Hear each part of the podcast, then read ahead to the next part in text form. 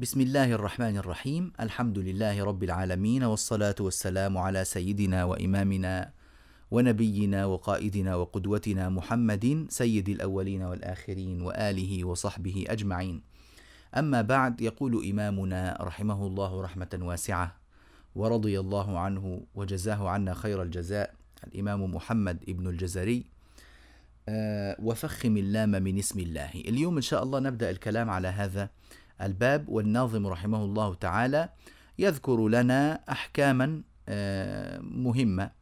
هنا هنا في هذا الباب يذكر أحكام اللامات من حيث التفخيم والترقيق ويذكر بعض التنبيهات التي يحتاج إليها القارئ أيضا كالتنبيهات التي سبق ذكرها قبل باب الراءات. وسنتكلم أيضا إن شاء الله عن المتماثلين والمتقاربين والمتجانسين. وبعدها يدخل في الكلام على الضاد والظاء قال الإمام رحمه الله وفخم اللام من اسم الله عن فتح أو ضم كعبد الله. هنا الناظم رحمه الله يوضح لنا أن اللام تفخم في لفظ الجلالة فقط فقط لفظ الجلالة إذا إذا سئلنا عن تفخيم اللام وترقيقها الموضوع كله في رواية حفص عن عاصم وجمهور القراء عندهم الكلام محصور على لفظ الجلالة فقط. متى؟ إذا سبق بفتح أو ضم. وفخم اللام من اسم الله عن أي بعد. فتح أو ضم. وذكر لنا المثال فقال عبد الله. لو بدأنا فقلنا الله نفخم اللام لأن قبلها فتحة. ولو قلنا عبد الله نفخم اللام لأن قبلها ضمة وكذلك تعامل كلمة اللهم نفس المعاملة. فإذا كان قبلها فتح أو ضم وإذ قالوا اللهم فخمناها. اللهم ربنا أنزل علينا مائدة لو بدأنا. فإن لفظ الجلالة الله وكلمة اللهم تفخم في هاتين الحالتين. غير كده ترقق اللام في كل الكلمات القرآنية. سبقت بفتح سبقت بضم سبقت بكسر سبقت بأي شيء. تحركت اللام بأي حركة. اللام لها حكم واحد وهو الترقيق. إذا التفخيم ليس في اللام المسبوقة بفتح أو ضم لا. في لفظ الجلالة تحديدا وكذلك كلمة اللهم إن سبق بفتح أو ضم. قال رحمه الله وحرف الاستعلاء فخم. عرفنا من قبل أن الاستعلاء حق وأن مستحقه التفخيم. يعني إذا عرفت أن الحرف مستعل ما هي حروف الاستعلاء؟ وسبع علو خص ضغط قض. إذا عرفت أن الحرف مستعل ماذا أفعل؟ فخم أيها الأخ الكريم أيها الأخت الكريمة. هذا هو المسألة باختصار. قال واخصصا الإطباق أقوى يعني واجعل الإطباق مخصوصا بتفخيم أقوى من تفخيم المستعلي. ليه؟ لأن هناك قوتين ترفعان الحرف المطبق إلى الأعلى قوة الاستعلاء وقوة الإطباق. فلا شك أن قوتين غير قوة واحدة آه، اللي هي قوة الاستعلاء. إذا أنا عندي الحروف المستعلية قسمين مستعلية مطبقة اللي هي الصاد والضاد والطاء والظاء وفي حروف مستعلية غير مطبقة يعني منفتحة اللي هي القاف والغين والخاء. ولذلك القاف والغين والخاء إذا دخلها الكسر آه، نجد أنها تتأثر به إنما الصاد والضاد والطاء والظاء لا تتأثر بالكسر لا تتأثر بالكسر. نعم. قال نحو قال والعصا نجد أن التفخيم في قال قا والعصا صا تفخيمها يعني أوضح وأقوى وأكبر من التفخيم في قال لأن قال مستعلي فقط إنما العصا مستعلي زائد مطبق. نعم. قال رحمه الله وبين الإطباق من أحط مع بسطت في هنا عندنا نقطة آه، لطيفة جدا. شوفوا أيها الإخوة والأخوات الآن إذا كان عندي كأس وعندي إناء كبير هل يمكن أن أضع محتوى الكأس في الإناء الكبير ولا لا أستطيع؟ أستطيع طيب إن كان عندي محتوى في الإناء الكبير محتوى يملأ الإناء الكبير هل أستطيع أن أضعه كله في الكأس؟ طبعا لا وضع الشيء في الشيء ده إحنا بنسميه الإدغام كويس؟ ففي عندي إمكانية لأن أضع الشيء كله وأسمي هذا الأمر إدغاما كاملا وعندي إمكانية أن أضع بعض هذا الشيء وفي هذه الحالة يسمى الإدغام إدغاما ناقصا ما علاقة الإناء الكبير بالكأس الصغير؟ الكأس الصغير هو الحرف الضعيف والإناء الكبير هو الحرف القوي فعندي الحرف الضعيف هل يمكن أن يدخل في الحرف القوي ويزول بكليته؟ نعم يدخل ويزول بكليته. وهذا الإدغام يسمى إدغاما كاملا. لكن الحرف الكبير لا يمكن أن يزول بكليته ويدخل في الحرف الصغير. مشكلة هذه مش ممكن. طيب ما هو العمل؟ يدخل بعضه ويبقى منه بعض آخر. وهذا اسمه الإدغام الناقص. تعالوا بناء على هذا المفهوم نستوعب ما يقوله إمامنا رضي الله عنه ورحمه. يقول وبين الإطباق من أحط مع بسطت الآن عندي طاء بعدها تاء. حرف الطاء لا شك أنه حرف أكبر وأضخم وأقوى من حرف التاء الحرف المسكين. التاء حرف مهموس وهو حرف حرف شديد. آه، نعم والشدة أيضا من صفات القوة لكن لا تقوم أمام الصفات القوية القادمة. وهو حرف مستفل وحرف منفتح. ويعني أما الطاء ما شاء الله تبارك الله فهي حرف مجهور والجهر طبعا أقوى من الهمس. وهي حرف آه، شديد فاتحدت مع التاء في هذه القوة. هي حرف مستعل وهي حرف مطبق يعني شيء كبير جدا. فالطاء حرف قوي وكبير. آه، في عندنا يعني مفهوم أنا لن أوضح له لكم تفاصيله الآن في آخر الباب إن شاء الله يتضح لنا. لكن بس أستعير نقطة الآن أذكرها لكم. عندنا قاعدة أنه عموما يعني على وجه العموم أنه الحرف إذا جاء بعده حرف آخر من نفس مخرجه هذا نسميه متجانس. كويس؟ غالبا يحدث بينهما نوع من التأثير. يتفاوت ممكن يكون تأثير شديد ممكن يكون تأثير يسير وهكذا. الطاء والتاء من مخرج واحد ولا مش من مخرج واحد؟ ماذا يقول إمامنا؟ يقول والطاء والدال وتاء منه ومن عليا الثنايا. يعني حرف الطاء وحرف الدال وحرف التاء أهو جمعهم مع بعض إذا تخرج من مخرج واحد. عندي الطاء في أحط أحط تو أحط بسطت فرطت فرطتم. هذه عندنا أربع كلمات. طاء بعدها تاء. هل بالإمكان بناء على التصور الذي ذكرناه أن تدخل الطاء في التاء دخولا كاملا ولا هذا الأمر مش ممكن؟ مش ممكن ولذلك العرب لم يكونوا يظهرون هذه الطاء إظهارا مطلقا فيجعلونها مقلقلة وأخذت كل يعني حقوقها من النطق فيقولون مثلا أحطت فرطتم لا يفعلون كذا العرب إن ولا أيضا كانوا يدخلون الطاء في التاء فتزول بالكلية وتتحول إلى تاء خالصة فيقولون أحدت بسدت إذا سمعنا واحد بيقول كده نقول ده يا إما صبي صغير يا إما واحد أعجمي يا إما واحد مش عارف ينطق يا إما واحد عنده مشكلة لكن ده مش نطق طبيعي صحيح كلامي؟ فهذا الكلام أدركته العرب ماذا فعلت العرب؟ قالوا سندغم الطاء في التاء إدغاما ناقصا. يعني إيه إدغام ناقص يا جماعة؟ قالوا ندغمها ونبقي صفة الإطباق في الطاء. كيف يعني؟ نخلي اللسان مفخما.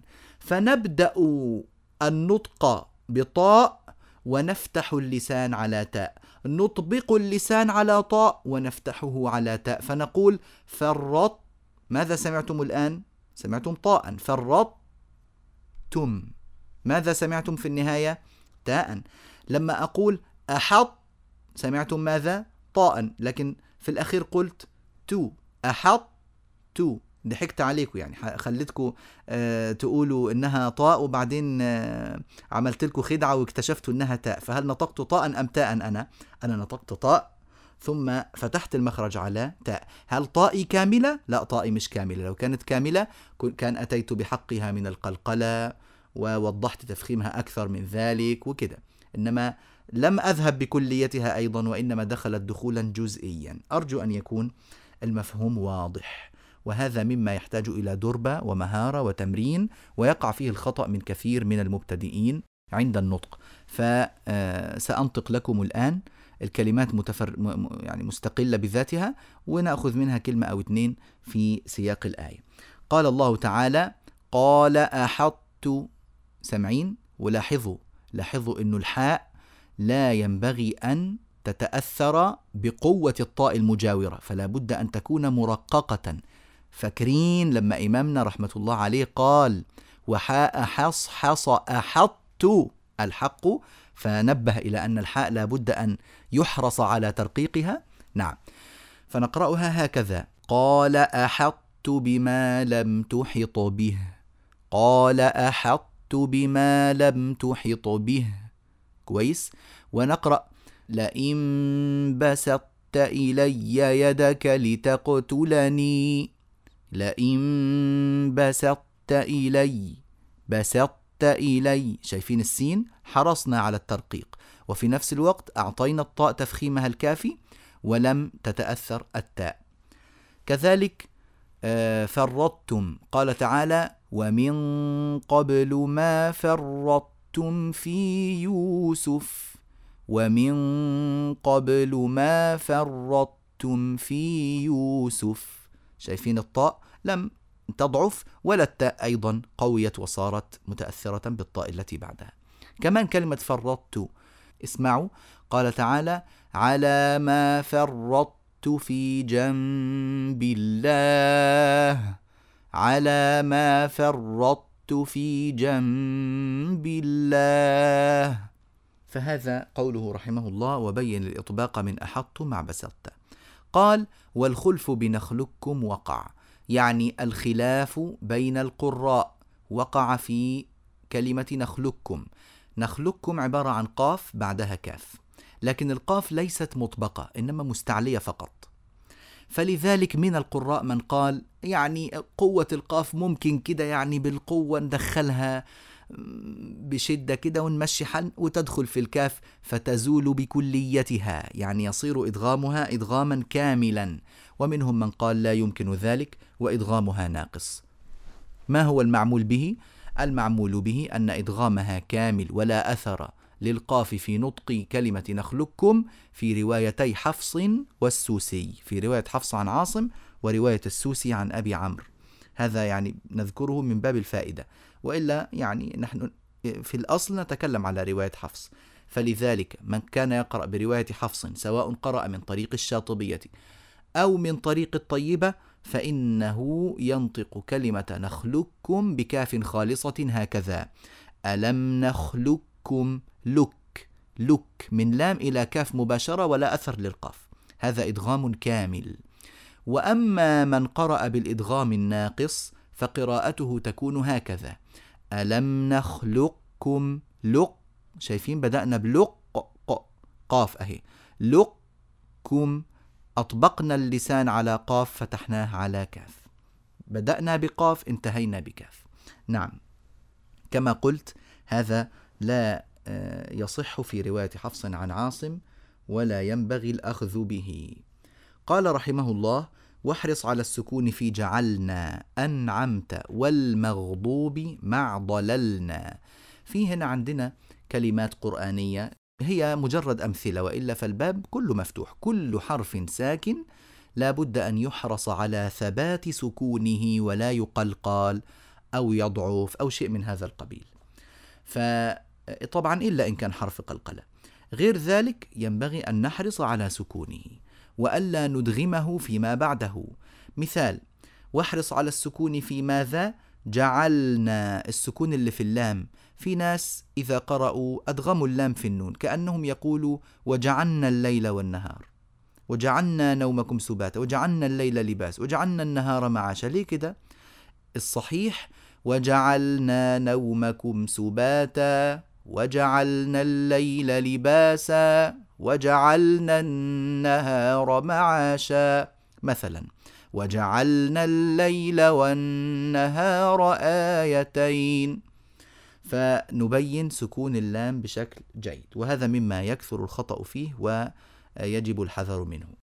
أنعمت. كذلك في ناس بتقلقل النون يقولوا أنعمت أو الميم أنعمت أنعمت. في ناس هكذا يقرؤون لا يصح. آه، فلا بد من بيان السكون بوضوح. صراط الذين أنعمت عليهم. والمغضوب اللام الغين. والمغضوب غير المغضوب. في ناس بتقلقل الغين وهذا لا يصح. مع ضللنا كما قلنا في جعلنا. قال رحمه الله وخلص انفتاح محذورا عسى خوف اشتباهه بمحظورا عصى. إحنا سبق وقلنا إن هناك صفات تغييرها يخرج الحرف عن حيزه وصفات تغييرها لا يخرج الحرف عن حيزه. وطبعا هذا الأمر مش بس الصفة يعني نقول دائما صفة الانفتاح تخرج الحرف عن حيزه. لا مش دائما. لا مش دائما وإنما في بعض الكلمات. فالإنسان يراعي هذا. فيقول وخلص انفتاح محذورا. عسى خوف اشتباهه بمحظورا. عصى. إذا لم تأتي بالانفتاح في الذال من محذورا تحولت إلى ضاء وصارت محظورا. وتغير المعنى من الحذر إلى المنع والحظر والإلغاء. نعم. وكذلك عسى إذا لم تحافظ على انفتاح السين تحولت إلى مطبقة فصارت صادا وتحولت من عسى إلى عصا وتغير المعنى. قال وراع شدة بكاف وبتاء. يعني إذا جاءك حرف شديد فراع شدته واحرص على الشدة ولا يشغلك الاعتناء بالهمس عن تحقيق كمال الشدة. الناس بيكون في حرف الكاف والتاء حريص على أن يأتي بالهمس. فربما حرصه على الهمس يجعل أولا همسه زائدا عن الحد الطبيعي وهذا خطأ من اللحن الخفي. ويجعل كذلك هناك مشكلة أخرى ما هي؟ يجعله تاركا لتحقيق صفة الشدة. وهذه يعني مسألة ينبغي أن لا يقع فيها القارئ. فلا ينبغي أنه إذا أراد أن ينطق مثلا يقول الذي خلقك فسواك فعدلك يقول فعدلك لك. هذا مش كاف. فين الشدة؟ متى انقفل المخرج وانقطع الصوت؟ متى حصل هذا؟ الشدة من الصفات المطلوبة. فإذا قفلت المخرج انحبس الصوت وانحبس الهواء. فإذا فتحت الباب له خرج الهواء الذي كان منحبسا فتحقق الهمس رغما عنك. وراعي شدة بكاف وبتاء وكذلك حرف التاء تراعى فيه الشدة ولا ينبغي الاعتناء المبالغ فيه بالهمس. الهمس صفة تلقائية. بارك الله فيكم أجمعين. فنقول إذا الشمس كورت نغلق المخرج رت ثم نفتح خرج الهواء الذي كان منحبسا. ولا أثر للسين في نطق الهمس في التاء. في ناس إذا الشمس كورت وإذا النجوم انكدرت وإذا الجبال سيرت وإذا العشار عطلت. إيه ده؟ تسيين ده أنا بسميه يسين التاء يجعلها سينا. غلط. إذا الشمس كورت هذا هو. انكدرت سيرت هكذا. وليس تس تس هذا الصوت السين ده مش مقبول.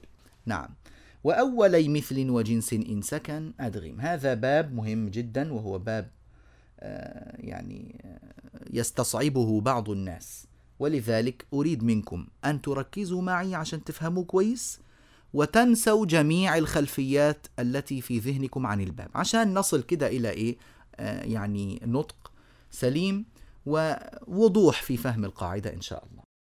شوفوا بارك الله فيكم. الآن العلماء لما نظروا إلى الحروف آه حاولوا أن ينشئوا بين الحروف وبعضها علاقات. فقالوا أنه الحرفين ممكن أن آه، آه، يكون الحرف الأول هو نفس الحرف الثاني. على سبيل المثال تأتيني آه، نون بعدها نون. تأتيني فاء مثلا وبعدها فاء أخرى زيها. يأتيني قاف وبعدها قاف. هذا اسمه إيه؟ متماثلين. في صعوبة في هذا الأمر؟ ما في صعوبة في هذا الأمر. أمر واضح جدا وسهل. فهذا يسمى متماثلين. إذا المتماثلان هما من نفس المخرج ولهم نفس الصفات. لازم يكون كده. لأنه مش ممكن يكون عندي متماثلين. ليس من نفس المخرج ولا لهما نفس الصفات. يعني المسألة آه، مسألة كده إيه؟ فيها يعني فيها جانب من الإيه التعقل والفهم شوي. نعم. قالوا وممكن يكون المخرج عندي يخرج منه مجموعة من الأحرف. كويس. فقالوا إذا كان عندي مخرج واحد يخرج منه مجموعة حروف اسم هذه الحروف مع بعض ما, ما العلاقة بين هذه الحروف؟ اسم اسم العلاقة التجانس.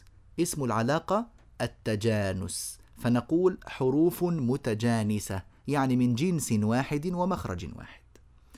وممكن يكون عندي مخرجين متجاورين. هذا يخرج منه حروف وهذا يخرج منه حروف.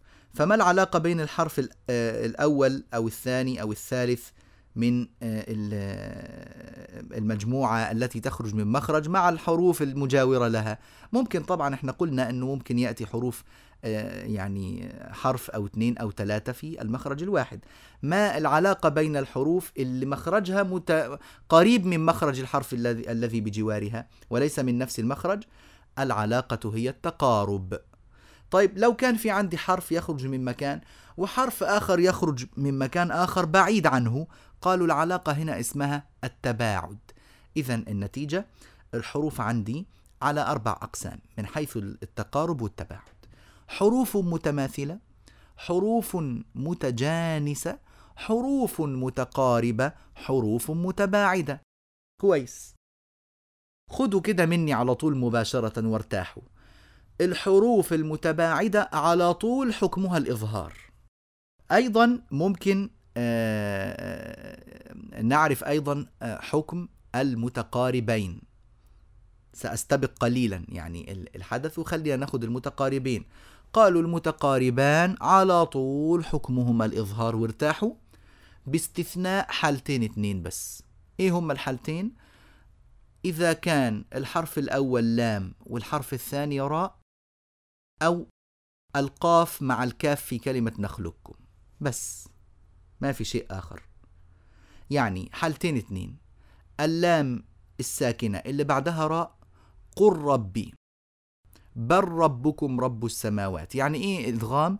يعني الحرف الأول يزول بكليته ويدخل في الحرف الثاني ويصير النطق بحرف واحد فقط هو الثاني.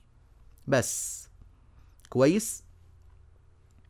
فهذا هو آه الإدغام. فالإدغام كامل.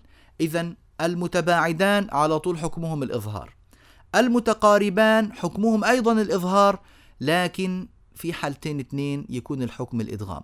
اللام مع الراء والقاف مع الكاف من كلمة نخلقكم. بس ما في غير كده.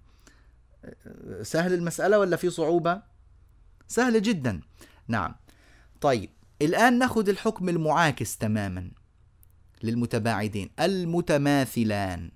المتماثلان قالوا على طول أول ما أجد الحرفين متماثلين إذا كان الأول ساكن والثاني متحرك دائما حكمهما الإدغام. بس. فالأصل في المتماثلين الإدغام. جميل. لسه أنا الآن بتكلم عن المعلومات بشكل عام. سيأتينا التفصيل الدقيق إن شاء الله بعد ما ننتهي.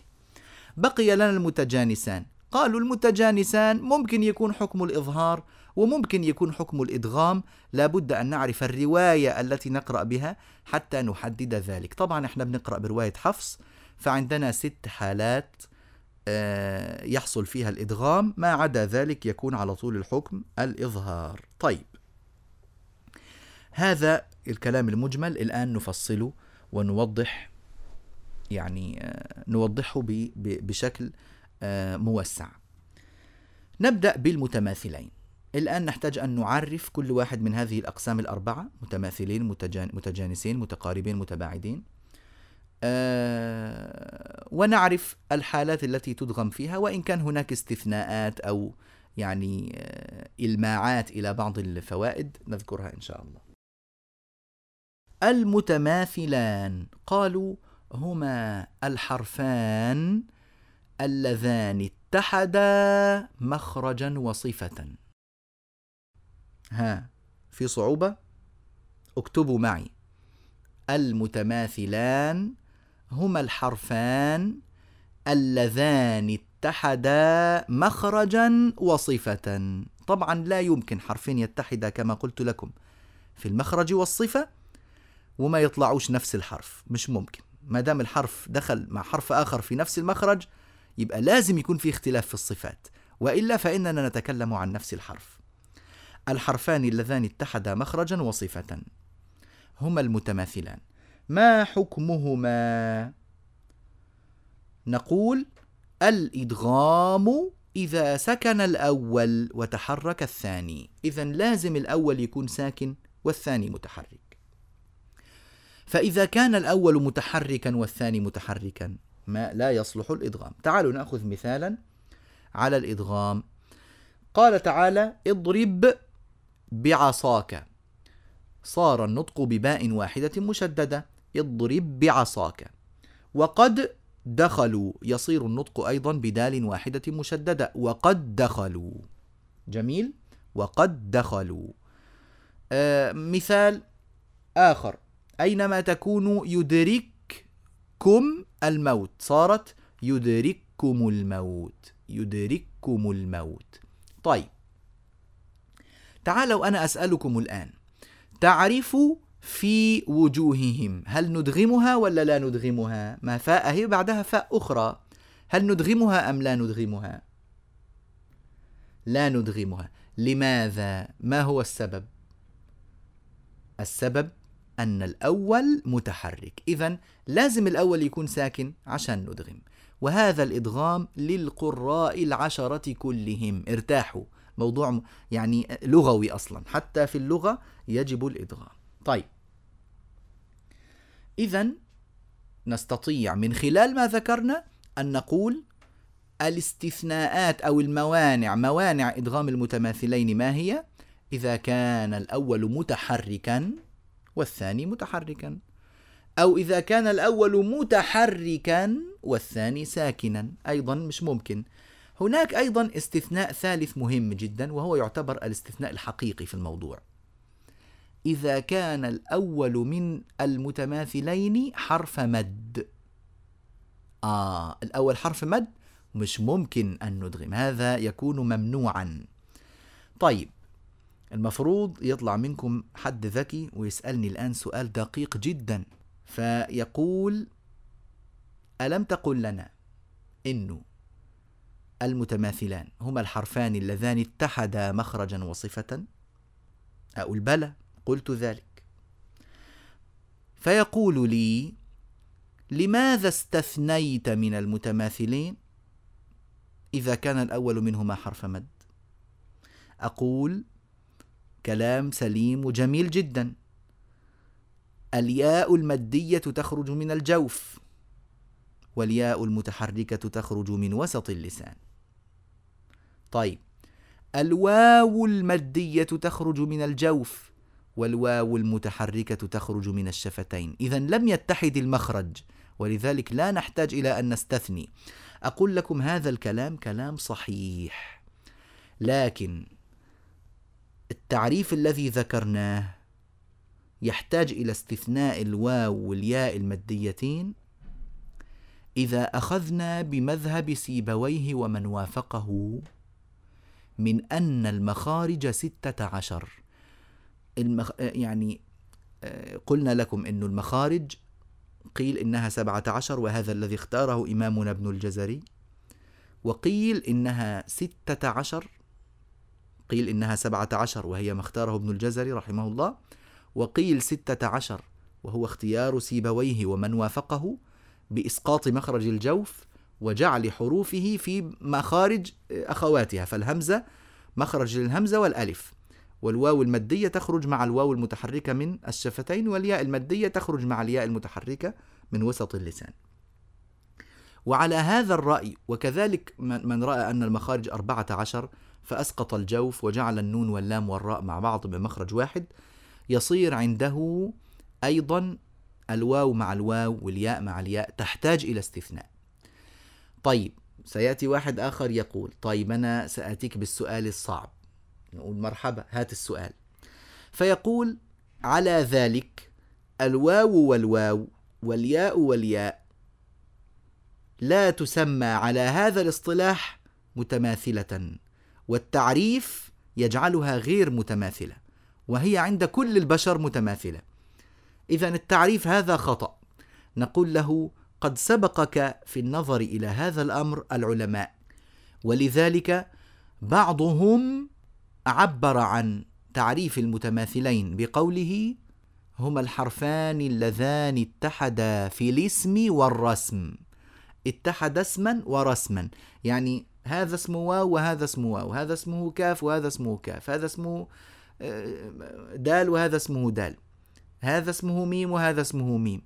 هذه هذه اسمها ياء وهذه اسمها ياء. إذا هذا خلاص صار متماثلين. نقول المسألة أخف من ذلك يا إخوة.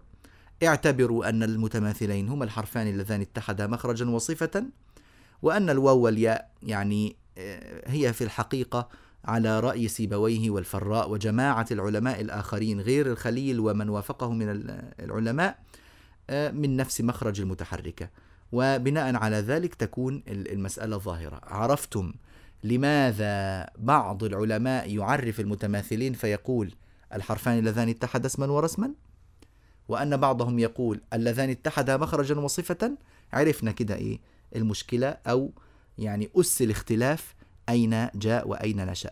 مسألة عميقة شوية لا أطالبكم حقيقة آه، يعني بها أو بفهمها وأن من لم يفهمها بشكل جيد لم يفهم التجويد ولا يصلح في آه، يعني معرفة التجويد لا أبدا إطلاقا ولكن يعني هي مسألة دقيقة أحببت أن أخص بها بعض الإخوة أو الأخوات اللي عندهم اعتناء بهذا الجانب. إذا إذا كان الأول من المتماثلين حرف مد لا يجوز إدغامه. فنقول في يوم كان مقداره خمسين ألف سنة في يوم كان مقداره خمسين ألف سنة. في يوم كان ولا نقول في يوم آه قالوا وهم فيها يختصمون. قالوا وهم مش قالوا وهم إنما الواو اللينية تدغم. مثال على الواو اللينية قوله تبارك وتعالى مثلا عصوا وكانوا عصوا وكانوا. فهنا ندغم الواو الأولى في الواو الثانية ويصير النطق بواو واحدة مشددة طيب ندخل إلى المتجانسين ما هما المتجانسان؟ هما الحرفان اللذان اتحدا مخرجا واختلفا في بعض الصفات ما حكم المتجانسين؟ حكمهما الإدغام في ستة أحوال بشرط أن يكون الأول ساكن أيضا والثاني متحرك لازم دائما في في المثلين والمتجانسين والمتقاربين لازم يكون الأول ساكن عشان ندغم. نحن في رواية حفص. نعم. إيه هي الستة أحوال؟ الحالة الأولى الباء مع الميم في قوله تعالى اركب معنا. يعني موضع محدد مش أي باء مع ميم لا. اركب معنا. ماذا نفعل؟ ندغم الباء في الميم. هو الباء مع الميم متجانسات ولا إيه؟ نعم اللي عنده شك يتذكر قول إمامنا ابن الجزري. ماذا يقول؟ يقول للشفتين الواو باء ميم أهو طلعهم مع بعض. نعم. اركم معنا اركم معنا. فزال نطق الباء تماما وصار النطق بميم خالصة مشددة مغنونة. فنقول اركم معنا. اركم معنا. كويس الله يفتح عليكم. نعم. في عندنا أيضا التاء مع الطاء. التاء مع الطاء. مش الطاء مع التاء. سبق لما ذكرنا الطاء مع التاء في أحط ومع بسطت. لما ذكرناها من قبل كان إيه اللي حاصل؟ آه كان آه عندنا إدغام ناقص. أما هنا العكس الحرف الصغير جاء أولا وهو الذي سيدخل في الحرف الكبير فطبعا إدغامنا سيكون كاملا هكذا. وقالت طائفة وقالت شايفين؟ لط من لام إلى طاء على طول. وقالت الطائفة طيب التاء مع الدال. مثالها أثقل الدعوى الله. أثقل الدعوى شايفين؟ أثقلد دخلت من اللام إلى الدال على طول. أثقل الدعوى هل هناك مثال آخر؟ نعم في مرة مرة أخرى جاءت في القرآن. أجيبت دعوتكما. في شيء ثالث؟ ما في ثالث في القرآن لهما. طيب العكس. مش قلنا التاء مع الدال؟ أيوة الدال مع التاء. في قوله تعالى تواعدتم كمثال يعني. قد تبين كمثال. قد تبين تواعدتم. لقد تاب الله. نعم. الثاء مع الذال في قوله تعالى تحديدا فمثله كمثل الكلب إن تحمل عليه يلهث أو تتركه يلهث ذلك. فإذا وصلناها نقول أو تتركه يلهث ذلك مثل القوم الذين كذبوا. يلهث ذلك يلهث. شايفين؟ دخلت على من الهاء إلى الذال مباشرة. آه، الذال مع الظاء. إذ ظلمتم. على طول طبعا ندخلها فيها إدخال وإدغام كامل. إذ ظلموا إذ ظلمتم. بارك الله فيكم. فنقول إذ ظلمتم إذ شايفين من همزة دخلت إلى الظاء مباشرة. الخلاصة المتجانسان. إذا سكن الأول يدغم في الثاني في ستة أحوال. ما هي؟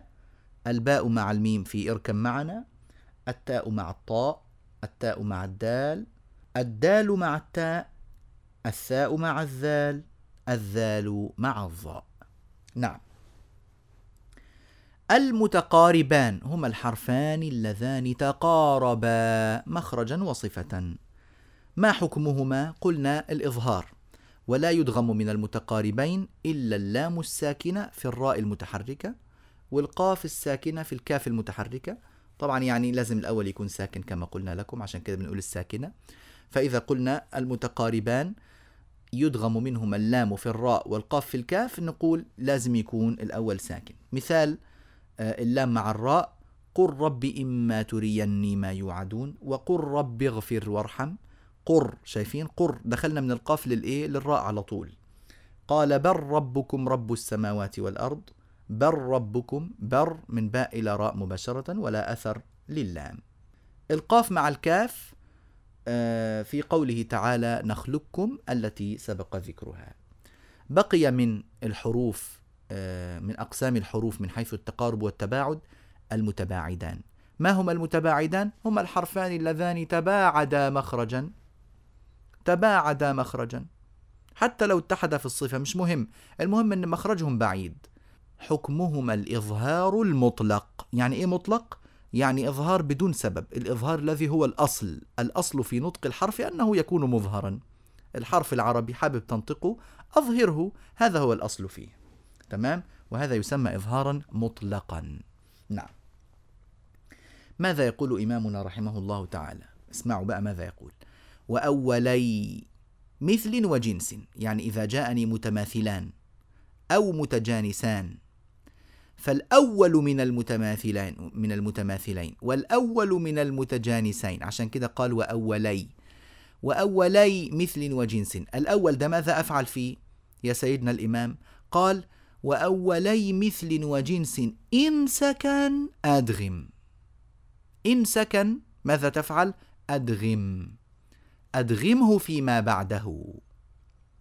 كويس. هذا الكلام كلام عام جدا. كما قلت لكم لا يصلح أن يطلق هكذا بل لا بد أن يفصل بالتفصيلات التي ذكرناها. بالنسبة للمتماثلين نعم مفتوح. كل متماثلين الأول منهما ساكن أدغمهم ماشي الحال. لكن كل متجانسين الأول منهما ساكن أدغمه لا طبعا وإنما محدد بالحالات الستة. ثم قال كقل ربي. طيب. قل ربي هذا مثال لإيه بقى يا سيدنا الإمام؟ مثال للمتماثلين؟ لا طبعا. طيب مثال للمتجانسين؟ لا طبعا. إذا الإمام ابن الجزري هنا خالف مذهبه فجعل اللام والراء من مخرج واحد وهذا مذهب الفراء الذي جعل المخارج أربعة عشر. حذف مخرج الجوف وخلى الناء اللام والنون والراء من مخرج واحد. فعلى رأي الفراء اللام والراء متجانسين متجانسان. لكن على مذهب إمامنا ليس متجانسين. فيعني دقيقة أو ملحظ أحببنا التنبيه إليه كما نبه إليه علماؤنا وأسلافنا السابقون. يعني ما في شيء كده من, من أمهات رؤوسنا قاعدين نطلع كده يعني علوم جديدة. لا ما والله ما ترك لنا. هل ترك الأول للآخر من شيء كما يقولون؟ نعم. طبعا هذا ليس نفيا للاحتياج آه، احتياج الأمة إلى التجديد وتطوير العلوم وتسهيلها وتيسيرها. نعم ما, ما في يعني إنكار لهذا لكن آه، نعي وندرك ما قيمة وعظمة ما قدمه لنا علماؤنا السالفون. جزاهم الله عنا كل خير. نعم قال أدغم كقول ربي وبل لا بل لا يخافون الآخرة. بل لا ما الحكم هنا؟ هنا لام ساكنة جاء بعدها لام متحركة. فما هو الحكم؟ الحكم مباشرة إدغام متماثلين. كقول ربي وبل لا ثم قال وأب ما معنى أبن أبن يعني أظهر من البيان بين يعني. وأبن ما يلي في يوم مع قالوا وهم. يعني إذا كان الأول من المتماثلين حرف مد. وقل نعم اللام مع النون مما يحتاج إلى بيان. وقل نعم يحتاج إلى أن يظهر لا يجوز إدغام اللام في النون. وهو مما يقع فيه الخطأ كثيرا. سبحه الحاء مع الهاء. في ناس يقولوا سبحه ومن الليل فسبحه. لا خطأ. فسبحه إيه؟ فسبحه. بين الحاء من الهاء وافصلهم كده في النطق مش في الس... مش في النفس. يعني مش تعمل فاصل نفسي لا بي... بينهم في النطق بين هذا من هذا لا يدخل هذا في هذا. سبحه لا تزغ قلوب الغين مع القاف لا تزغ قلوب. طبعا أنا الآن بفصلها عشان أوضح يعني وإلا في التلاوة لا تفصل لا تفصل كده وإنما نقرأها هكذا. ربنا لا تزغ قلوبنا بعد إذ هديتنا لا تزغ قلوبنا. نعم. فالتقم اللام مع التاء. فالتقمه الحوت وهو مليم. اللام مع التاء تحتاج إلى أيضا إظهار وتوضيح وبيان. والله تعالى أعلم. هنا بقيت لنا مسألة صغيرة نتكلم عنها وهي ما يسمى بالإدغام الصغير والإدغام الكبير. بسيطة يا إخوة لا تعقدوا أنفسكم بهذه المسميات. إدغام كامل وإدغام ناقص. إدغام صغير وإدغام كبير. إدغام بغنى إدغام بغير. يعني تقولوا التقسيمات كثيرة. افهموا الموضوع الموضوع يصير سهل جدا. بالنسبة لي آه، مثلا الدال مع الدال وقد دخلوا.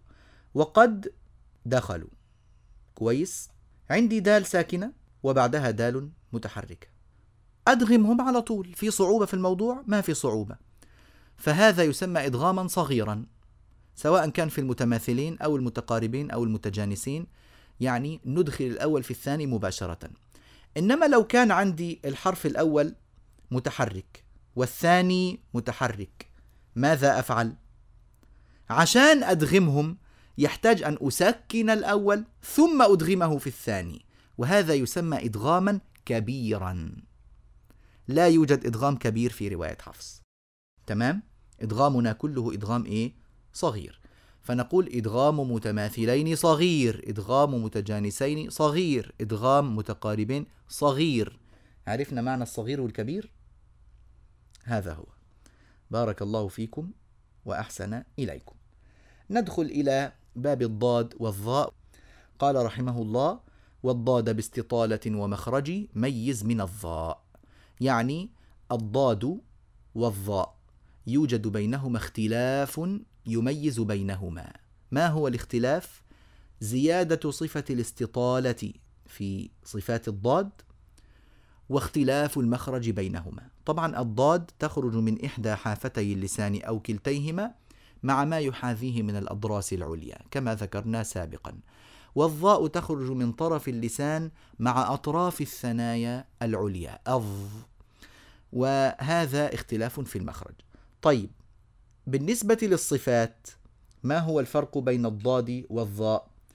تشتركان في الجهر والرخاوة والاستعلاء والإطباق والإصمات وتزيد الضاد بصفة الاستطالة. فهذا هو الفارق بينهما. إذا في فرق يفرق بين الضاد والظاء خلافا لمن يقول إن الضاد والظاء لا فرق بينهما وصوتهما واحد أو صوت الضاد شبيه بصوت الظاء أو هناك التباس واشتباه بينهما فلا يتميزان. الإمام ابن الجزري بيقول هكذا يتميزان بالصفة واختلاف المخرج. ثم أراد الإمام أن يعدد لنا الضاءات الواردة في القرآن الكريم كله حتى لا نقع في التباس. قال وكلها تجي يعني كل الضاءات في القرآن تأتي في الكلمات والأصول والمصادر اللغوية التالية. في الظعن في قوله تعالى مثلا آه، في قوله تعالى يوم ظعنكم ويوم إقامتكم. في الظعن ظل مثلا وظللنا عليكم الغمام وندخلهم ظلا ظليلا كل هذا من الظل. آه، الظهر مثل قوله تعالى وحين تضعون ثيابكم من الظهيرة. وحين تظهرون. نعم. آه، عظم شايفين عظم؟ هذا يعني من مأخوذ من العظمة. عظم ولهم عذاب عظيم. غير غير عظم. العظم سيأتي وهو بالضاء أيضا في القرآن الكريم. عظم الحفظ كذلك الحفظ. مثلا ويرسل عليكم حفظة. حافظوا على الصلوات.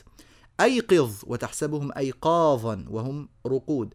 وأنظر الإنظار هو التأخير. قال ربي فأنظرني إلى يوم يبعثون. عظم هذا بفتح العين العظم. في مثل قوله تعالى آه، فكسونا العظام لحما. ظهر في قوله تعالى إلا ما حملت ظهورهما. هذا مأخوذ من الإيه؟ من الظهر. غير الظهر السابق وحين تضعون ثيابكم من الظهيرة. نعم. اللفظ ما يلفظ من قول.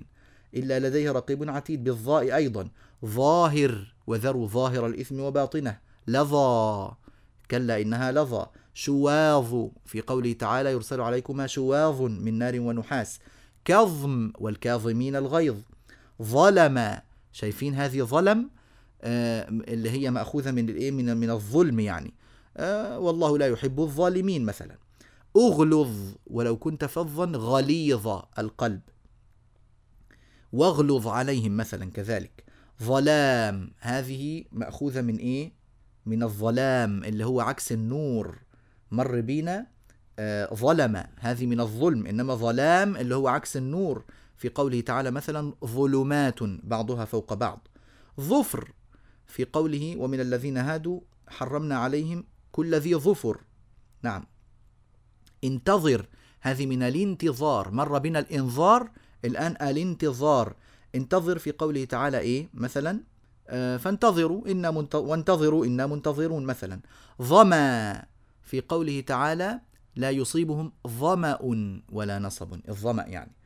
أظفر من بعد أن أظفركم عليهم.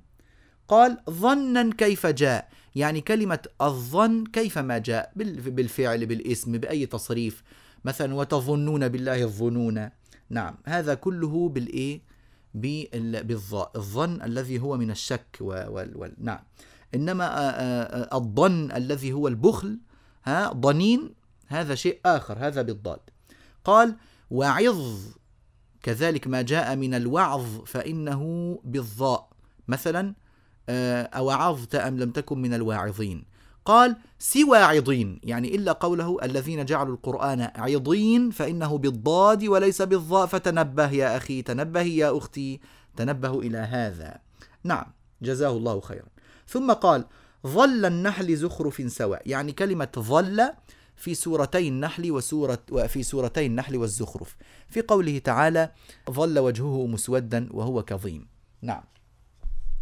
ظل النحل زخرف سوا يعني سواء. زي مع بعض يعني كلاهما. وظلت مثلا آه، في قوله تعالى إيه؟ آه إلى إلهك الذي ظلت عليه عاكفا. ظلتم فظلتم تفكهون. وبروم ظلوا كالحجر. كلمة ظلوا في سورة الروم وفي سورة الحجر. في سورة الروم في قوله تعالى لظلوا من بعده يكفرون. وفي سورة الحجر فظلوا فيه يعرجون. ظلت شعراء نظلوا. ظلت في سورة الشعراء في قوله تعالى إيه؟ فظلت أعناقهم لها خاضعين نظل فنظل لها عاكفين. في سورة الشعراء كذلك. يظللن في قوله تعالى فيظللن رواكد على ظهره. محظورا في قوله وما كان عطاء ربك محظورا. مع المحتضر فكانوا كهشيم المحتضر. وكنت فظا في قوله ولو كنت فظا غليظ القلب. وجميع النظر يعني وكل ما جاء من النظر في القرآن الكريم فإنه بالضاء مثل ينظرون إليك نظر المغشي عليه من الموت. فكل ما جاء من النظر بمعنى الرؤية فإنه بالضاء. ثم استثنى مواضع آه، ممكن واحد يعني يشتبه عليه فأراد أن يستثنيها. فقال رحمه الله إلا بويل بويل بي حرف جر. ويل المفروض اسم مجرور فنقول ويل لكن هنا بنسميه مرفوع على الحكاية يعني بنحكيها كما هي في القرآن الكريم. ويل للمطففين. تمام؟ فنخليها زي ما هي. في ويل إلا في سورة ويل اللي هي تعرف في وجوههم نضرة وليس نظرة. بالضاء بالضاد أخت الصاد وليست بالضاء أخت الطاء. نعم. إلا بويل اللي هي سورة ويل للمطففين. هل في سورة الإنسان يعني في سورة هل أتى على الإنسان؟ في قوله تعالى ولقاهم نضرة وسرورا إلا بويل هل. وأولى ناضرة كمان في سورة القيامة في عندنا آيتين متتاليتين ربما يلتبس على القارئ الكريم. وهما قوله تعالى وجوه يومئذ ناظرة إلى ربها ناظرة. فناظرة الأولى بالضاد وأولى ناظرة. فهمنا؟ نعم. آه، والغيظ يعني كذلك آه، الغيظ بالضاء. فنقول هل يذهبن كيده ما يغيظ بالضاء واستثنى الناظم من ذلك موضعين. قوله تعالى في سورة الرعد الله يعلم ما تحمل كل أنثى وما تغيض الأرحام وما تزداد. فتغيض هنا بالضاد يعني تنقص وما تزداد يعني تزيد. تنقص أو تزيد. آه، الحمل يكون تسعة أشهر وربما يأتي في السابع وربما يزيد على التسعة شوية. نعم. وهود في قوله تعالى وغيض الماء مش وغيض الماء. الله يعلم ما تحمل كل أنثى وما تغيظ الأرحام هذا خطأ طبعا. تمام؟ وغيض أي نقص. نعم. والغيظ لا الرعد وهود قاصرة. والحظ لا الحظ على الطعام. يعني أن الحظ هو بالضاء والحظ هنا بمعنى النصيب. مثلا في قوله تعالى يريد الله ألا يجعل لهم حظا في الآخرة. لا الحض على الطعام إنما الحض الذي هو التحريض على الطعام ولا يحضون على طعام المسكين آه، فإن هذا بالضاد وليس بالضاء. ثم قال وفي ظنين الخلاف سامي. يعني إن كلمة ظنين فيها خلاف سامي القدر يعني مرتفع. يعني إيه مرتفع القدر وسامي القدر؟ لأنه خلاف بين القراء. فمن القراء من يقرأ ضنين بالضاد ومنهم من يقرأ ظنين بالضاء. بالنسبة لمن يقرأ برواية حفص عن عاصم فإن آه، الآية عنده وما هو على الغيب بضنين بالضاد. وكذلك حتى اللي بيقرأ برواية ورش أو رواية قالون كلهم يقرأوا بالضاد. إنما اللي بيقرأ بابن كثير على سبيل المثال أو أبي عمرو أو الكسائي فإنه يقول آه، وما هو على الغيب بظنين. إذا الخيار مش لكم يعني آه، واحد منكم يحب أن يقرأ فمرة يقول وما هو على الغيب بظنين ومرة يقول على الغيب بضنين. لا أبدا. الخلاف مش لنا نحن. إنما الخلاف خلاف متعلق بالقراء العشرة. طبعا وما هو على الغيب بضنين أي بخيل ولا يخبر به. وما هو على الغيب بظنين الظنة هي الاتهام يعني وليس هو متهما في الوحي. قال وإن تلاقيا البيان لازم. إذا التقت الضاد مع الظاء فإنه لا بد من بيانهما من بعضهما. مثال أنقض ظهرك. الضاد هنا بعدها ظاء التقتا في النطق والتقتا في الكتابة. يعض الظالم. ضاد جاء بعدها ظاء التقت في مع الظاء في النطق ولم تلتقي في الكتابة لها نفس الحكم أيضا لا بد من بيانها وتوضيحها. ثم ذكر بهذه المناسبة أحكاما لضادات أو ضاءات بعدها حروف ربما يحصل فيها التباس على بعض المبتدئين. فقال واضطر مع وعظت مع أفضتم كلمة اضطر وعظت أفضتم يبين فيها الضاد من الحرف الذي بعدها والضاء من الحرف الذي بعدها. فنقول فمن شايفين الضاد أتينا بها وأعطيناها زمنها ثم انتقلنا للطاء فقلنا طر فمن اضطر إلا ما اضطررتم إليه إلا ما اضطررتم. فمن اضطر. نعم. كذلك مش نقول اضطر يعني واضطررتم كده. لا يصلح لا يصلح. أوعظت. في ناس بيقلبوها ضاد يخليها أوعظت كده. ما لا يصلح ده. أوعظت. أفضتم. الضاد مع التاء. أفضتم. هكذا نبين الضاد من التاء. ثم ذكر أيضا بمناسبة الحروف المتجاورة الهاء مع الهاء. فقال وصف ها جباههم عليهم. وصف ها يعني الهاء من جباههم عليهم.